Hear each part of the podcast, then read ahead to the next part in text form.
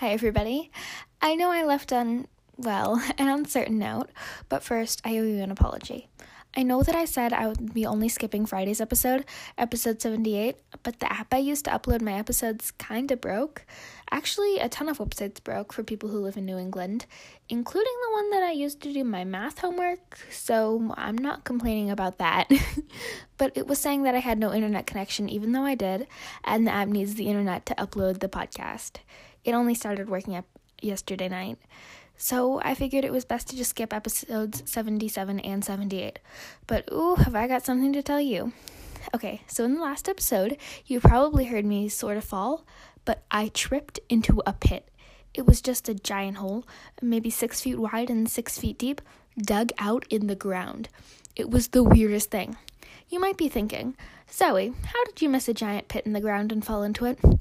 Well, what I didn't tell you last episode was that it was pretty much pitch black when I left my house. I don't think I've ever mentioned it, but around here, during this time of the year, the sun starts to set around 3 o'clock, and I was out recording at about 4.30. And this is the crazy part. There was like a sheet of camouflage plastic fabric laid over the pit, like in a bear trap that you see in the movies. And I was also in the woods where I'd never been before, not on the roads.